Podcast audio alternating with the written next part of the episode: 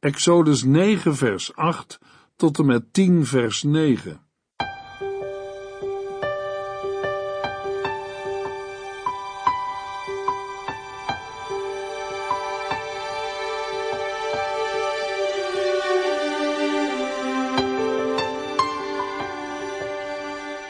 Hartelijk welkom bij De Bijbel Door, een programma van Transworld Radio. De Bijbel Door is een radioserie die u in vijf jaar meeneemt door de hele Bijbel. Van Genesis 1 tot Openbaring 22.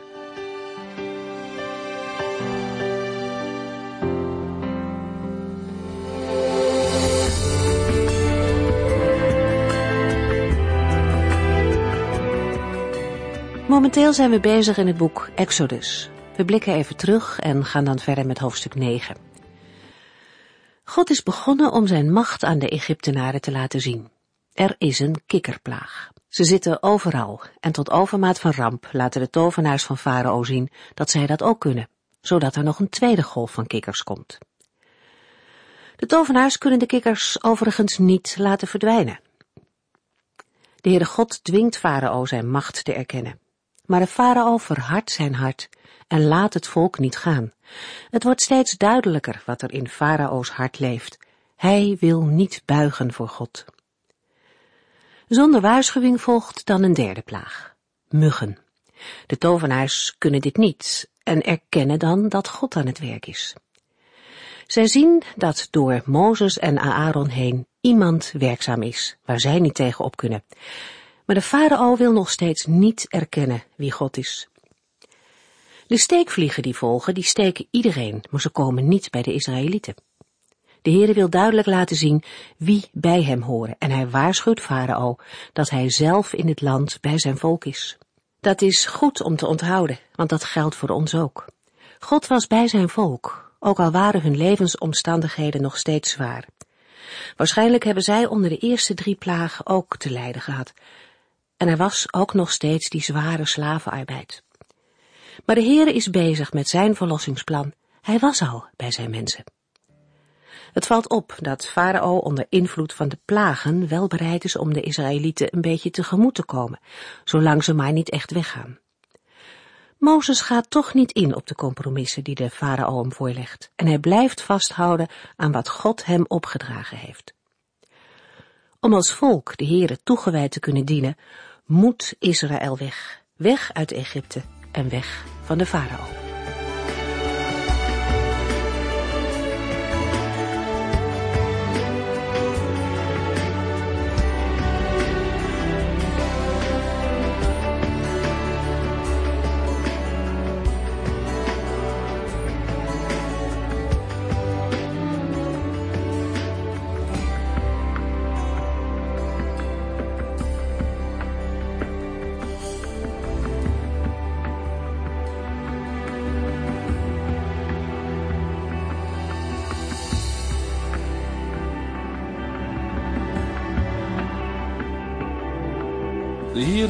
Richt het woord tot Mozes en Aaron en kondigt een nieuwe plaag aan. Exodus 9, vers 8 tot en met 10. De Heere zei toen tegen Mozes en Aaron, neem een handvol roet uit een smeltover en laat Mozes dat in het bijzijn van de farao in de lucht gooien. Het stof zal zich over het hele land verspreiden en bij mens en dier zweren veroorzaken. Mozes en Aaron namen roet uit een smeltoven en gingen voor de farao staan. Mozes gooide het roet in de lucht en plotseling verschenen bij alle mensen en dieren zweren, die later puisten werden. Evenals bij de derde plaag is er geen sprake van een waarschuwing. De plaag zal zeker uitbreken. Mozes en Aaron moeten as uit een oven nemen en daarmee naar de farao gaan. Daar moet Mozes de as ten overstaan van de farao omhoog gooien. Over wat het precies voor een soort as is geweest, bestaat verschil in opvatting. Wij vertalen, Mozes en Aaron namen roet uit de smeltover. Omdat het roet in de lucht geworpen wordt en daar verstuift tot fijn stof, verdient het de voorkeur om aan as te denken. Met betrekking tot de oven moeten we niet aan een broodoven denken. Ook een oven voor tichelstenen ligt niet erg voor de hand, omdat tichelstenen doorgaans in de zon gedroogd werden. Wij denken aan een smeltoven voor metalen. Opvallend is wel dat zowel Mozes als Aaron as uit de oven nemen, maar dat alleen Mozes de as omhoog moet werpen. Zo kwamen Mozes en Aaron met hun handen vol as aan bij de farao, die zij kennelijk in de buitenlucht ontmoeten. Of namen zij de as mee in een pot? Vier handen vol as zijn natuurlijk niet genoeg om heel Egypte te bedekken. De handeling moet dan ook symbolisch verstaan worden, waarbij de Heere de epidemie in heel Egypte zendt, terwijl de omhoog geworpen asdeeltjes neerdalen in de omgeving van de farao. Mozes gooide het roet in de lucht en plotseling verschenen bij alle mensen en dieren zweren, die later puisten werden. Het is niet duidelijk wat de epidemie precies was die in Egypte uitbreekt. Er wordt wel gedacht aan Nijlzweren, maar deze aandoening veroorzaakt wel een lastige, maar onschadelijke jeuk en is niet verontrustend. De tekst zegt niet meer dan dat de ziekte zich uit in zweren die later puisten werden. Uit Egyptische bronnen blijkt dat huidaandoeningen in Egypte veelvuldig voorkwamen, waaronder een aantal aandoeningen die specifiek de benen aantasten. Het wonderlijke van deze plaag lijkt dan ook niet zozeer de ziekte zelf te zijn, maar de manier waarop deze uitbreekt, in een confrontatie tussen Mozes en de farao. We vernemen in deze verse niets over het lot van de Israëlieten.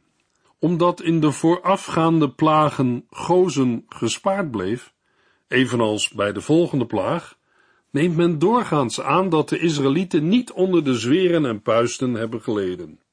Mozes en Aaron handelen zoals de Heere hun had opgedragen. De epidemie laat mens en dier lijden onder de huidziekte.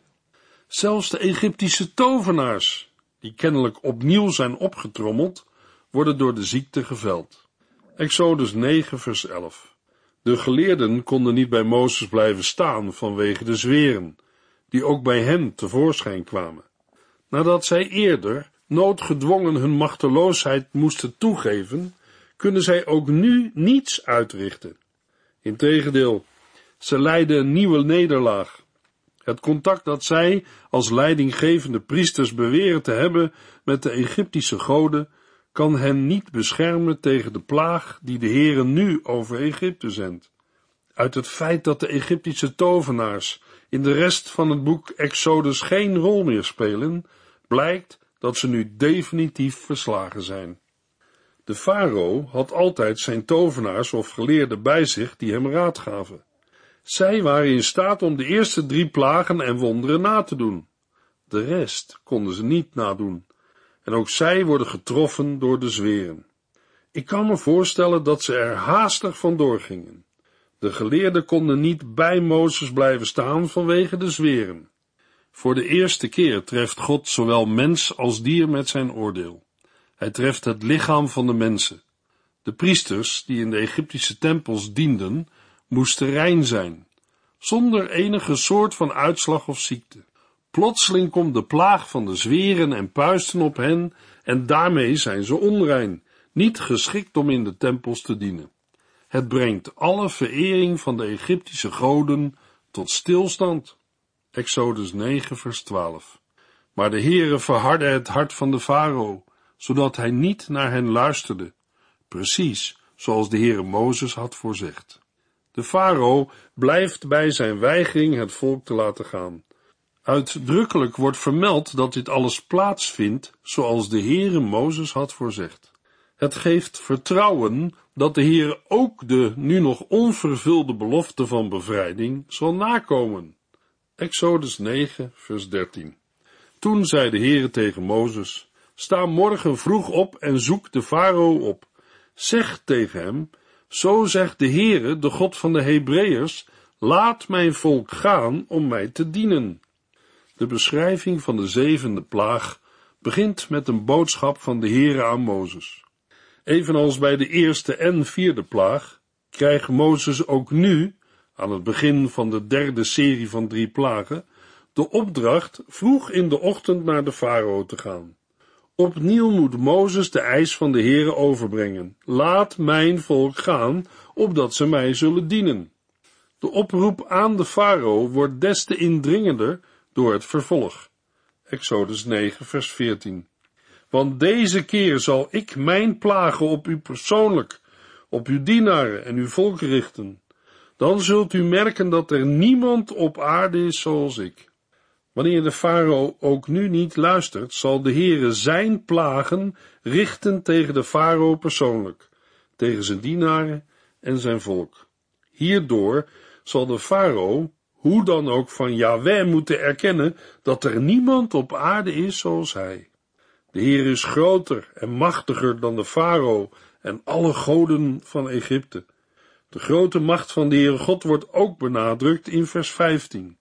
Ik had mijn hand al eerder tegen u kunnen opheffen en uw volk met de pest kunnen vernietigen. Met een pestepidemie had de Heere de farao en zijn hele volk kunnen wegvagen. Dat had de Israëlieten meteen de vrijheid gebracht. De farao moet de waarheid van deze woorden wel hebben ingezien. De Heere heeft in de vorige twee plagen duidelijk aangetoond dat alleen hij, in tegenstelling tot de farao en zijn tovenaars, de macht heeft over ziekte en gezondheid. Maar de Heer heeft de farao en alle Egyptenaren niet met een pestepidemie uitgeroeid, omdat hij nog een tweede doel voor ogen heeft met de plagen. Exodus 9, vers 16. Maar ik laat u in leven, zodat ik mijn macht kan laten zien en iedereen op de hele aarde mijn naam leert kennen. In de grondtekst staat mijn naam voor de persoon van Yahweh zelf.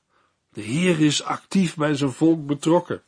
De rijkwijde van de roemrijke verkondiging van zijn naam overstijgt de Israëlieten en de Egyptenaren. Heel de aarde moet horen wie Yahweh is. We zien hetzelfde ook in Jozua 2 vers 10. Daar blijkt dat de roep van wat Yahweh voor Israël heeft gedaan, al voor het volk uitging. Zo werkt zelfs de farao ongewild mee aan de verheerlijking van de naam van God. Ondanks, of liever dankzij, zijn voortdurend verzet tegen het vertrek van de Israëlieten. Exodus 9, vers 17 en 18. U weigert nog steeds mijn volk te laten gaan. Daarom zal het morgen om deze tijd gaan hagelen. Niet zomaar een hagelbuitje, maar zo'n zware hagel als Egypte in zijn hele geschiedenis nog niet heeft meegemaakt. Hagelstormen en vooral regen, volgens vers 34 ook een onderdeel van deze plaag, zijn in Egypte een zeer zeldzaam verschijnsel. De hagelstormen waarover hier gesproken wordt zijn zwaar, met zeer grote hagelstenen. De beschrijving benadrukt de ongekende zwaarte van de plaag. Dit is de eerste plaag waarvan gezegd wordt dat er mensen zullen sterven. Vers 19 en 25.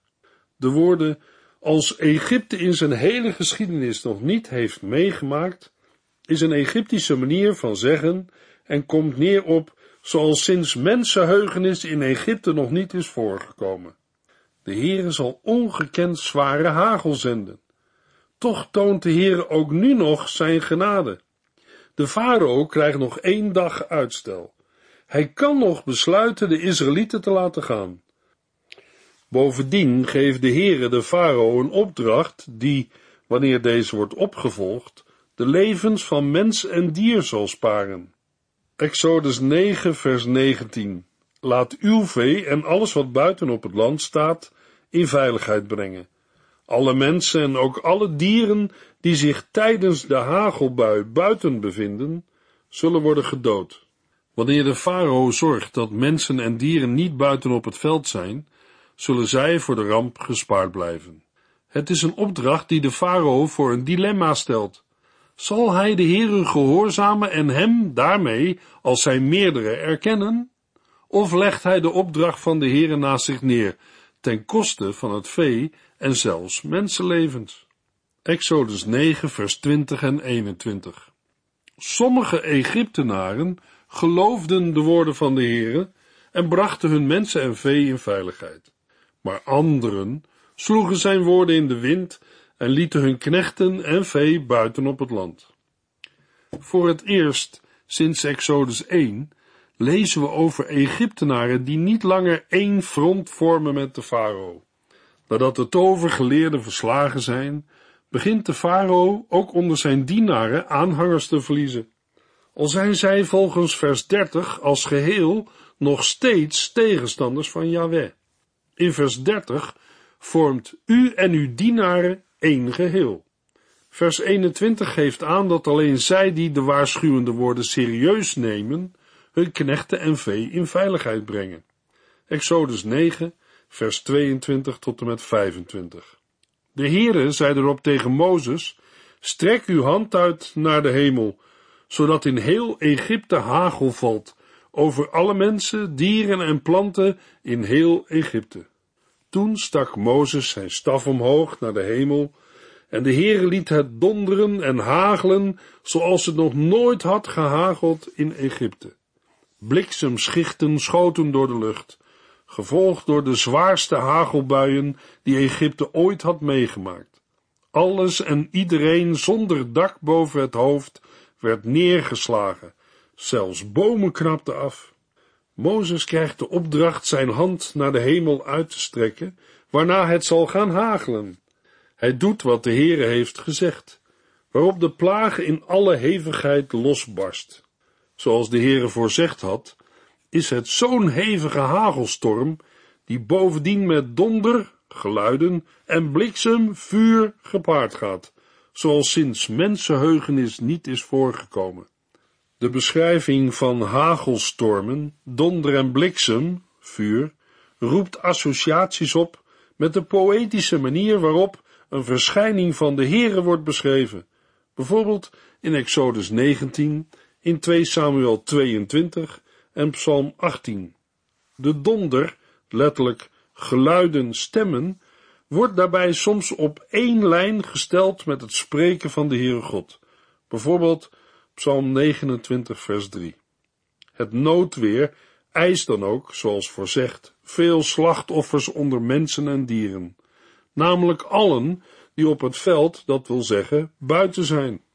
Alles wordt kort en klein geslagen. In de verwoording komt het allesomvattende karakter van de ramp naar boven. De manier van verwoorden is een stijlfiguur en draagt bij aan het beeld van een ramp die niet te vergelijken is met gewoon noodweer. Exodus 9, vers 26. Alleen in het land Gozen, waar de Israëlieten woonden, hagelde het niet. Ook nu wordt het land Gozen, het gebied waar de Israëlieten woonden, uitgezonderd van de plaag. Exodus 9, vers 27 en 28. Toen liet de farao Mozes en Aaron komen en hij riep, ik weet dat ik deze keer heb gezondigd. Jullie God is rechtvaardig, ik en mijn volk zijn schuldig. Bid tot de Heere, want de donder en de hagel die hij heeft gestuurd zijn niet te dragen. Ik zal het volk nu echt laten gaan. Het hoeft hier niet langer te blijven. Zoals Farao dat ook bij eerdere plagen al deed, laat hij Mozes en Aaron komen. Dit is de enige keer dat de Aaron in verband met de zevende plaag genoemd wordt. Er is echter geen reden dit als een latere toevoeging te beschouwen, omdat Mozes degene is die het woord van God ontvangt en Aaron zijn woordvoerder is, is het niet vreemd dat de tekst op veel plaatsen Aaron onvermeld laat, ook al ligt het voor de hand dat hij bij de betreffende gebeurtenissen wel aanwezig was en wellicht zelfs het woord voerde. Als een beklaagde voor de rechtbank erkent de farao zijn schuld. Deze keer, dat wil zeggen, nu de farao zijn toezeggingen niet is nagekomen, staat de Heere in zijn recht zo beleidt hij. In zijn wanhoop, de donder en de hagel zijn niet te dragen, vraagt hij Mozes voorbeden te doen en zegt toe dat de Israëlieten niet langer hoeven te blijven. Voor het eerst verbindt de farao aan deze toestemming geen voorwaarden. Kennelijk is de druk zo hoog opgevoerd dat hij geen onderhandelingsruimte meer ziet. Exodus 9, vers 29. Mozes antwoordde Zodra ik buiten de stad ben, zal ik mijn armen naar de hemel opheffen en tot God bidden. Dan zullen de donder en de hagel ophouden, want de aarde is het eigendom van de Heere. Zoals Mozes dat ook bij eerdere gelegenheden deed, zegt hij toe te bidden dat de plaag zal ophouden. Opnieuw wordt de farao ermee geconfronteerd dat niet hij, maar de Heere de wereldorde in stand houdt, want de aarde is het eigendom van de Heere. Mozes zal bidden buiten de stad, in het open veld, juist daar waar de plaag het hardst toeslaat. Mozes handelwijze maakt dan nog eens duidelijk dat de Heer het verloop en de gevolgen van de plaag in zijn hand heeft. Mozes heeft geen gevaar te duchten. Het bidden wordt hier omschreven als de armen naar de hemel opheffen. Dit wijst enerzijds terug naar het begin van de plaag, waarbij Mozes zijn hand uitstrekte naar de hemel, vers 22. En anderzijds wordt nog eens benadrukt tot wie het gebed gericht is, tot de Heere, de God van de Israëlieten. Hij heeft het op aarde voor het zeggen. Dit getuigenis is de reden dat Mozes ermee instemt voorbeden te doen. Niet het berouw van de farao. Onomwonden zegt Mozes geen geloof te hechten aan het berouw dat de farao en zijn dienaren tentoonspreiden. Exodus 9 vers 30. Maar ik weet heel goed dat u en uw dienaren nog steeds geen ontzag voor de Heere hebben. Dan volgt een soort tussenzin die de gevolgen van de plaag voor de getroffen gewassen aangeeft. Exodus 9, vers 31 en 32.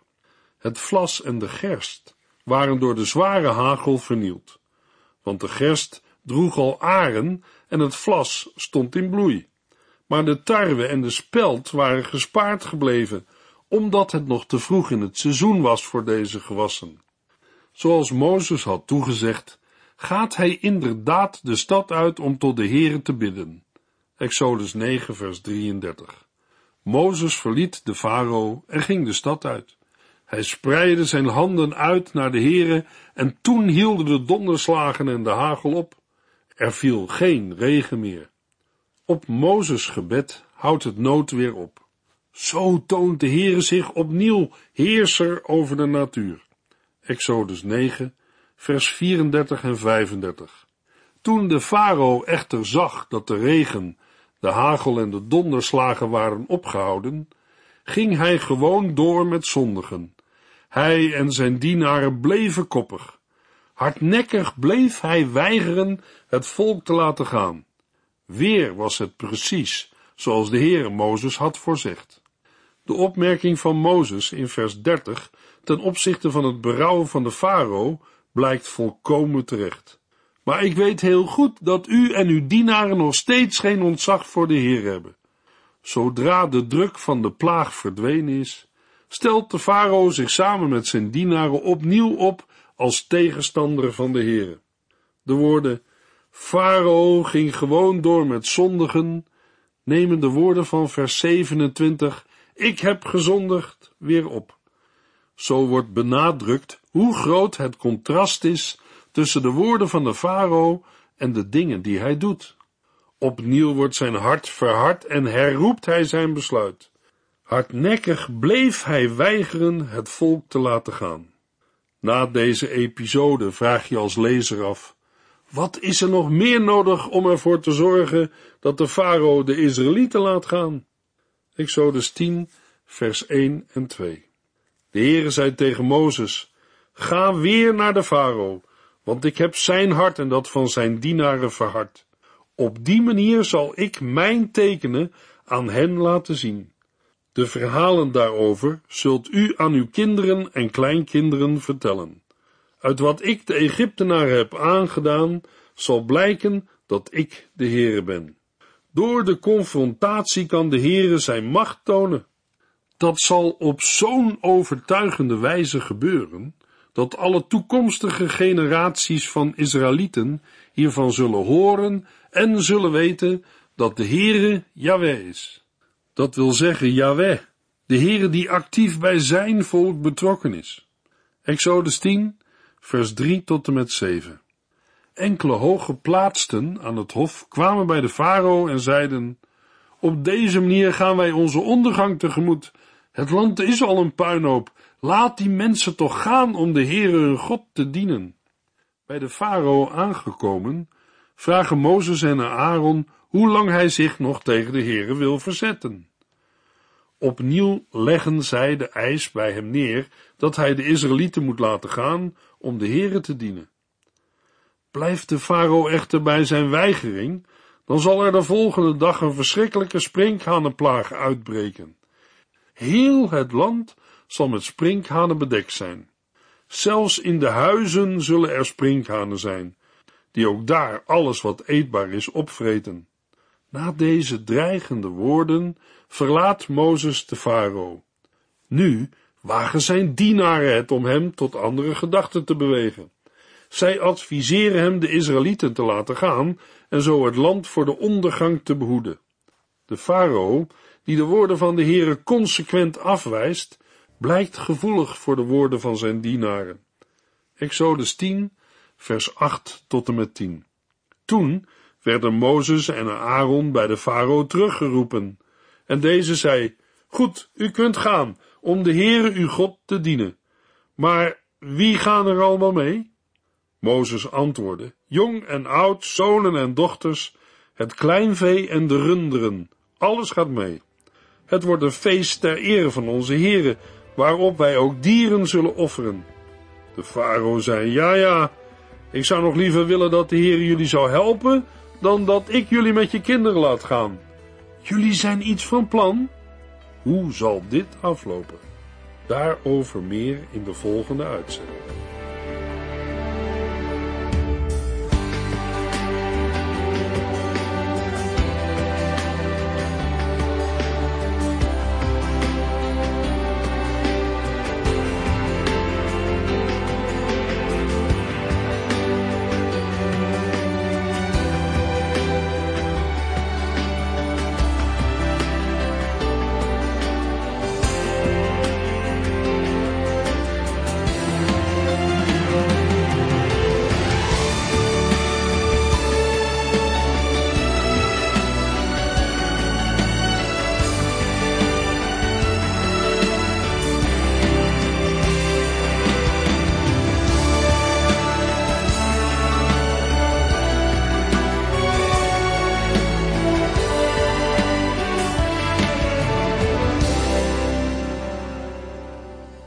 Geluisterd naar De Bijbel Door. In het Nederlands vertaald en bewerkt door Transworld Radio. Een programma waarin we in vijf jaar tijd de hele Bijbel doorgaan. Als u wilt reageren op deze uitzending of u heeft vragen, dan kunt u contact met ons opnemen. Tijdens kantooruren kunt u bellen op 0342 47 8432. 0342 47 8432. 32. Ook kunt u een e-mail sturen naar de Bijbel door transworldradio.nl en natuurlijk kunt u ook via de post ons bereiken. TWR, postbus 371, postcode 3770, AJ in Barneveld. Dit programma werd gepresenteerd door Cor Weda en Ike André. Techniek was in handen van Odin van Woerdekom. En wij allemaal bedanken u voor het luisteren. Graag tot de volgende keer.